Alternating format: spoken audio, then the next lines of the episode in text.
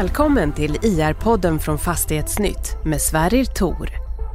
I detta avsnitt hör vi Knut Rost, VD för Diös, kommentera Q3 2020. Intervjun spelades in på länk till Beppo i Stockholm.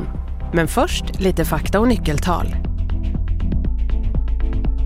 Diös Fastigheter är ett fastighetsbolag som främst förvaltar kommersiella fastigheter och bostäder på tio orter i norra Sverige. Vinsten för tredje kvartalet 2020 hamnade på 229 miljoner kronor efter skatt, vilket motsvarar 1 krona och 72 öre per aktie. Driftnettot blev 335 miljoner kronor och förvaltningsresultatet 271 miljoner kronor. Överskottsgraden hamnade på 72 procent och det tredje kvartalets nettouthyrning var positiv om 13 miljoner kronor. Bolaget äger fastigheter till marknadsvärde 23,8 miljarder kronor och har ett eget kapital på 8,7 miljarder. Soliditeten är 36 procent, räntetäckningsgraden 6,7 gånger räntekostnaderna och belåningsgraden är 55,2 procent. Långsiktigt substansvärde är 75,7 kronor per aktie. Diös är börsnoterat med en 64-procentig free float och bolagets VD är Knut Rost.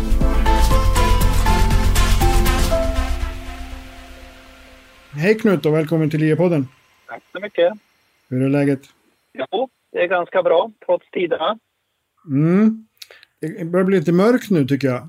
Ja, du menar att dagarna blir kortare? Ja, precis.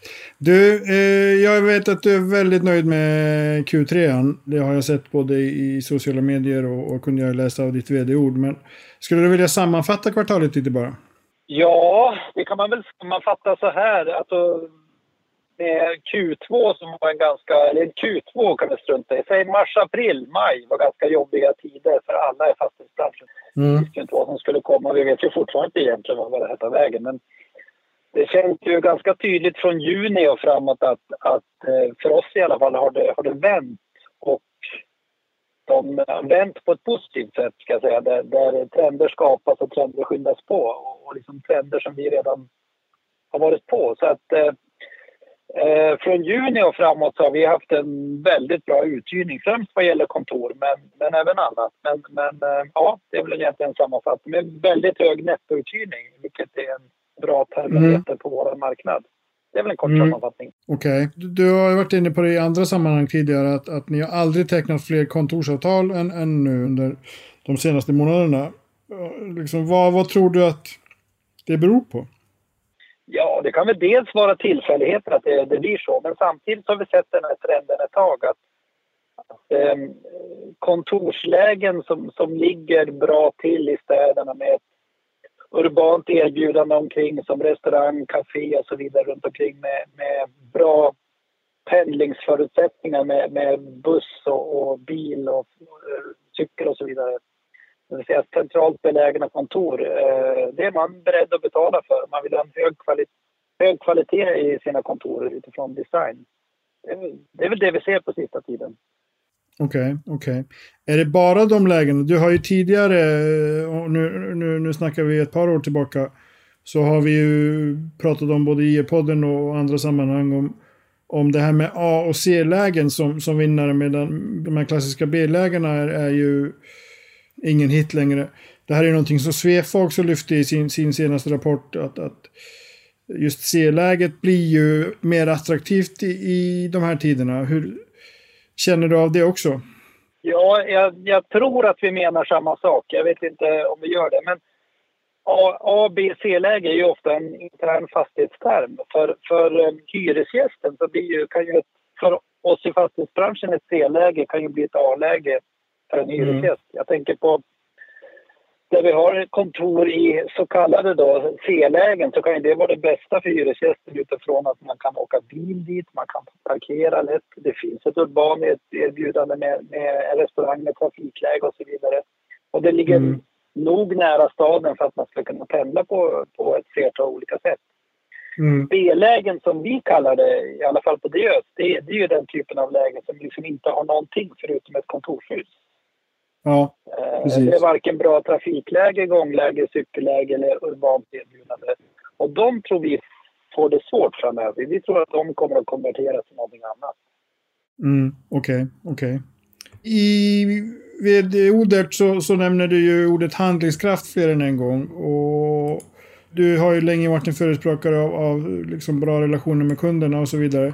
Är det det du menar? Eller alltså är det det här liksom att jobba tillsammans, vara proaktiva i, i, i samband med pandemins effekter? Ja, jag menar nog kanske allt det i något form av samlingsord i handlingskraft. För du kan ju alla måste ju vara så pass ödmjuka som man inte man gör ju ingenting själv utan man gör det tillsammans med andra. Det kan vara kommunen, det kan vara kommuntjänstemän, politiker, andra fastighetsbolag, samverkanspartner som entreprenörer. Men det jag menar i det här fallet i mitt vd-ord, det är egentligen faktiskt eh, DÖ som bolag och våra medarbetare. Mm. För det vi gjorde här när, när den här pandemin slog till, vi hade ju ingen aning om vad det här skulle ta vägen. Men vi insåg ganska snabbt att eh, det här kommer inte att se så bra ut om vi inte ställer upp för våra hyresgäster. Och det här låter ju som en floskel naturligtvis. Men vi var väldigt tidigt ute och började ringa runt till våra hyresgäster och frågade hur, hur läget var. Och, och det, det, hade vi igen sen, både nu och, och sen när vi även pratade om det statliga hyresbidraget. Mm. Så att, eh, nej, men det är det jag menar med handlingskraft egentligen. Att vi, vi som bolag beslutade oss och medarbetarna ställde upp på ett fantastiskt härligt sätt. Okej, okay, okej. Okay. Dina branschkollegor har ju varit inne på det här med, med kostnadsbesparingar, både, både Kungsleden och, och, och platser har ju lyft det speciellt i, i, sina rapporter. att Du är inne på det här också, kostnaderna är lägre. Det är 9 miljoner lägre fastighetskostnader för, för det här kvartalet eh, än, än i fjol. Är det liksom en i ert fall ett, ett långsiktigt arbete eller är det någonting som har liksom tillkommit specifikt på grund av det rådande läget? Ja, men man kan säga så här, det är väl tre delar i det här. Det ena är ju det man jobbar långsiktigt med, typ eh, energibesparingar, det vill säga att man försöker jobba så energieffektivt som möjligt. Och vi har investerat ganska mycket i både bergvärme och, och, och, eh, och solceller till exempel. Och det börjar väl betala sig. Sen ska man ju ha klart för sig att för oss norrlänningar så var det ju så var det en ganska varm vinter ändå. Och det hjälpte ju också mm. till. Det var det mm. andra. Det tredje är ju... Det handlar ju om att alltså vi genererar ju väldigt mycket kostnader i den här branschen. Det är klart att alla bolag i, i, i lite svårare tider så ser man över sina kostnader och försöker jobba ännu effektivare med både, både konsulter, medarbetare och så vidare. Och, och eh, det tror jag de flesta bolag passar på att se över just nu. Mm. Eh, det är ju lätt, lätt att inte titta på kostnaderna när det går bra, men, men hur, hur, alltså av de kostnadsbesparingar ni gör, hur mycket bedömer du är så att säga, permanent? Ja, man kan säga så här, vi jobbar ju med energibesparingar ganska hårt och eh, minst hälften av det där är just energieffektivisering. Lite okay. mer till och med. Eh, mm. Och jag tror att den siffran, alltså det blir ju på något vis marginaleffekten av det här gör ju att det blir svårare och svårare att sänka energikostnaderna. Men vi är ganska envisa i det, så vi kommer att fortsätta uh, försöka spara energi både när det är varma somrar och kalla vintrar och vice versa. Så att, uh, mm. det, är nog, det är nog bara att nöta på. Och fastighetsbranschen är ju lite sån. Det är mycket nöta på. Vi ser inte resultatet direkt i nästa månad utan vi ser den, vi ser den över tid så att säga. Så vi kommer att fortsätta nöta på. Så är det. Okej, okay, okej. Okay tänker mot slutet på det här samtalet tänkte jag att vi, vi ska gå lite mer in på, på hållbarhetsåtgärder. Du har redan varit inne på det med energieffektivisering, men det finns ju fler saker. Men, men det, det får vänta en, en liten stund. Du nämner ju positiv befolkningsutveckling i era städer. Och, och det har ju pratats i, i samband med, återigen, pandemin här om den gröna vågen 2.0 eller, eller kanske till och med 3.0. Ser ni i era städer att det liksom är en ökad inflyttning från storstäderna? Är det hemvändare? Är det folk som, som helt enkelt bara söker annan form av livskvalitet? Är det folk... Fortsätter landsbygden att dräneras av folk till, till era städers fördel så att säga? Jag tror det är alltihop det där om jag ska vara ärlig. Eh, våra regionstäder med, med de profiler som gäller i de här städerna är ju vinnare i såna här tider när man tycker att densiteten är mera liksom lagom i våra städer. Eh, det finns en trygghetstanke i våra städer som håller. Eh, mm. Det är lättare, alltså den stora skillnaden som man inte riktigt pratar om det är ju det här med pendling. Mm. Eh, jag menar, i våra städer där Umeå är den största staden så, så det är klart att vi har pendling där också, men det går inte att likna med det i storstäderna runt om i världen. Man kanske pendlar åt ett håll i, i en och en halv timme. Det är ju ingen ens i närheten av hos oss. Eh, mm. Och sitta mm. då på en trång buss och göra det, ett trångt tåg, alltså det, det är inte hållbart. Det, det, tror inte vi på. Så att, på det viset är vi en vinnare. Men då gäller det också att vi, kan, vi har något att erbjuda till de här människorna som vill flytta hem igen eller, eller så att säga, bo i de här städerna som vi bor. Det handlar om trygghet, det handlar om att man lätt kan komma till jobbet. Det handlar om digitaliseringen där vi har kommit väldigt långt i våra städer. Det vill säga att man kanske inte behöver åka till högkvarteret i, i, i London, New York eller Stockholm utan man kan, man kan jobba via Teams och Zoom och, och sitta i våra städer och jobba i någon av våra eh, coworking-lösningar eller, eller i ett större kontor. Så att mm vi ser att vi är vinnare i det här, om det nu finns någon vinnare i den här tiden vi lever i nu. Men, men eh, just, just nu ser det väldigt bra ut. Det ser väldigt positivt ut med stark inflyttning, ja. Mm. Är det någon stad som, du nämner ju Umeå som har ju länge varit den kanske starkaste stad. Är det någon stad som håller på tar över? Skellefteå har ju haft en fantastisk utveckling och mycket, mycket som händer där. Är, är det någon annan stad än, än de två som är liksom en stjärna? Ja, alltså inflyttning sker i alla våra städer och procentuellt sett eh, kanske lite mer i de där två som du nämner. Tack vare mm. Northvolt och Umeå tack vare sin diversifiering. Det är en väldigt stark stad. Mm. Men du har ju en sån stad som Borlänge till exempel där vi, eh, där vi nu inte har nästan en enda kvadratmeter vakant. Eh, tack vare dels eh, Trafikverket som vi bygger om till nu, den ska få ett långt avtal. Men även att vi flyttar eh, högskolan in till centrum, det är en fantastisk lösning. Mm. Där vi, eh, precis intill resecentrum så kommer vi bygga en ny högskola som ska igång här nu. Och, eh, det är en sån stad som man liksom, ja, vad, vad tusan var det som hände? Vi har väl trott mm. på staden hela tiden men, men det har till och med överraskat oss hur bra det går. Och dessutom med både hyresnivåer, betalningsvilja och intresse för staden som sådan. Så det är jättespännande. Mm. Det där är lite intressant för Ilmar Reepalu, när, när man byggde högskolan i, i, i Malmö, eller Malmö högskola som numera är Malmö universitet, så var man ju väldigt noga med att, att den skulle liksom vara belägen centralt, eh, nära resecentrum och så vidare. Just för att flöden av människor skapar sidoeffekter så att säga. Kommer man se en boom i, byggboom i, i Borlänge centrum? Där Ideos kanske kommer vara i, i framkant?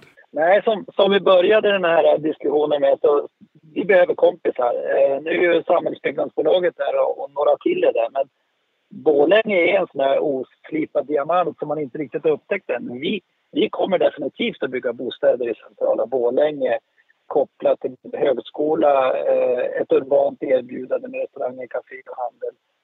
Mm. Eh, I Borlänge. Så att, men eh, fler är välkomna dit, absolut. Okej. Okay. Jag tänker just på det här med menar, en stad som Borlänge som ju länge har du säger har länge haft en potential men ändå har ju haft ett ganska dåligt rykte om sig. Eh, är, är det liksom vad ska man säga, en resa man kan göra på flera av era städer eller är, är det liksom är de flesta väl positionerade så att säga? Alltså, en stad består ju av så mycket. Det består av högskola, det består av arbetsplatser, ofta de större arbetsgivare och många runt omkring. Mm. Det handlar om infrastruktur och så vidare. Alla kommuner och kommunledningar kan ju göra saker om man verkligen vill. Det det egentligen mm. bygger på, det som, det som vi på Diös tycker är viktigt för oss, det är att vi möter en kommun som har samma driv, energi, engagemang och, och vilja som vi. Och knyter man ihop det här vi började prata om, den här pandemin nu har ju påskyndat en massa trender som naturligtvis... Det är trender som både påskyndas och startas. Och, men men människan är fortfarande ett socialt djur på det viset att vi vill umgås på kaféer, restauranger, vi vill shoppa och så vidare. Mm. Eh, och vi vill gärna jobba centralt för, för att komma in till staden och, och eh, träffa andra människor. Det så vi fungerar. Vi, vi bygger inte en affärskultur i ett bolag genom att sitta hemma och jobba. Så att vi, mm. vi har än så länge liksom, eh, tagit ett bett på att folk vill och längtar tillbaka till sina arbetskollegor och vill komma tillbaka. Och då gäller det att bygga så klokt som möjligt. Så finns bara förändrings viljan hos en kommun, hos, hos våra samverkanspartner, då, då händer det grejer. För, Mm. för vi står inte stilla, utan vi kommer att fortsätta utveckla och utvecklas. Du, du nämnde ju coworking tidigare och, och det finns ju, har ju funnits en trend i storstäderna där det har varit, ja, inte, inte alla överens om, om hur bra det är att, att coworking tar stora ytor i anspråk. Men, men just i sådana här städer som Borlänge som, där man, som du säger, kanske jobbar för ett företag som har huvudkontor i, i, i Stockholm eller till och med i Hongkong eller vad, vad som helst. Hur ser läget ut där? Är, liksom, är ytorna eftertraktade? igen då, så, så alltså, vi jobbar i de här regionstäderna. Det finns ju, det finns ju inget... ehm, det finns ju inga träd som kan växla till himlen. Alltså, växa till himlen. Alltså, det kan inte bli hur stort som helst. Mm. Vi tror ju mycket på det som DoSpace gör i Gävle till exempel. Vi tror ju mycket på House B. Det vi gör Mm. i Åre och Sundsvall och så vidare. Eh, och, ehm, och så, sen tål ju de här coworking-hubbarna tål ju viss konkurrens från kollegor som jobbar på ett liknande sätt, men inte hur mycket som helst. Så att, att ha plats med en sån här coworking-hubb eller kanske två i de här städerna, det är nog alldeles utmärkt. Men, Okej. men att gå in med några större etableringar där man är fyra, fem stycken, det, det, det tror jag inte på. Utan allting når, når ju sin begränsning någonstans. Men eh, än så länge har det här varit väldigt attraktivt i våra städer. Det är en växande marknad so far. Mm. Eh, Knut, det är dags att börja runda av, men jag har ändå två frågor som jag vill gärna få köra. Den ena gäller det en kommentar du har i vd-ordet om att de långsiktiga marknadshyrorna för viss handel har, har haft en negativ påverkan på fastighetsvärdet. Ser du det som en bestående effekt eller är det här någonting som du tror att kommer tillbaka när handeln har liksom hittat sin, eh, sin nya jämvikt så att säga? En bestående effekt på det viset att handel, butiker i B-lägen kommer inte att vara butiker i framtiden. Det blir någonting annat. Det blir kontor eller vård eller utbildning eller någonting annat. Okej. Handelns A-lägen, det vill säga i gatuplan, kommer alltid att ha en plats. Jag tror däremot att de flesta som vill hyra den typen av ytor kommer vilja, de kommer att vilja efterfråga lite mindre ytor, men de kommer att vilja efterfråga lägen som är de absolut bästa. Så handelsytorna i våra städer runt om i världen, i Sverige, kommer att minska. Men de lägen som finns kvar kommer att bli ännu mer attraktiva. Okej, okej. Då så, då är det hållbarhet. Vi har fått en, en lyssnarfråga inför den här säsongen och, och jag tänkte att vi ska ha det som ett litet tema i, i, där alla bolag får egentligen berätta lite om sin hållbarhetsstrategi. Hur tänker ni kring det i, i det? Ni har ju varit ute länge och jobbat med energieffektivisering och, och, och sånt där. Vad är nästa steg så att säga? Ja, för det första tror jag man ska börja högt upp i tratten och säga att vi, vi är ju naturligtvis bakom FNs globala mål. Det, är- det är viktigt. Eh, eh, sen, sen måste ju vi vara hållbara på den marknad vi är. Det vill säga, vi har exempelvis investerat i väldigt många laddstationer för elbilar. Vilket är intressant eftersom den mesta delen av Sveriges el produceras ju i norra Sverige. Så Mm. bara den anledningen är det intressant. Sen att vi Mm. rapporterar enligt GRI och GRESP och allting, det gör ju egentligen inte att vi blir hållbarare utan hållbarare blir vi bara om vi, om vi engagerat vill bli hållbarare. Och då pratar vi mycket om, vi pratar mycket om energispar, vi pratar mycket om trygga städer.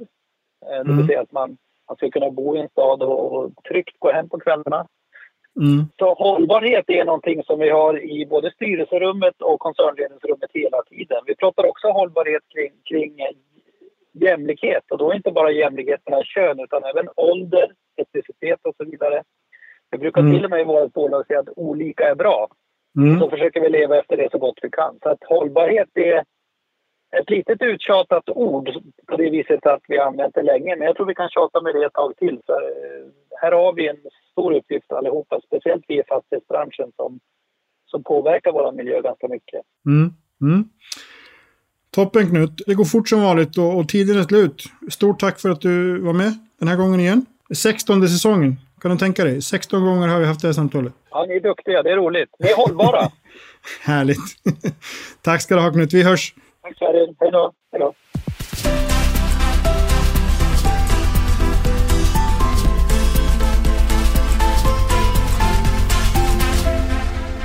Det här programmet görs på Beppo. Beppo. Beppo. Beppo.se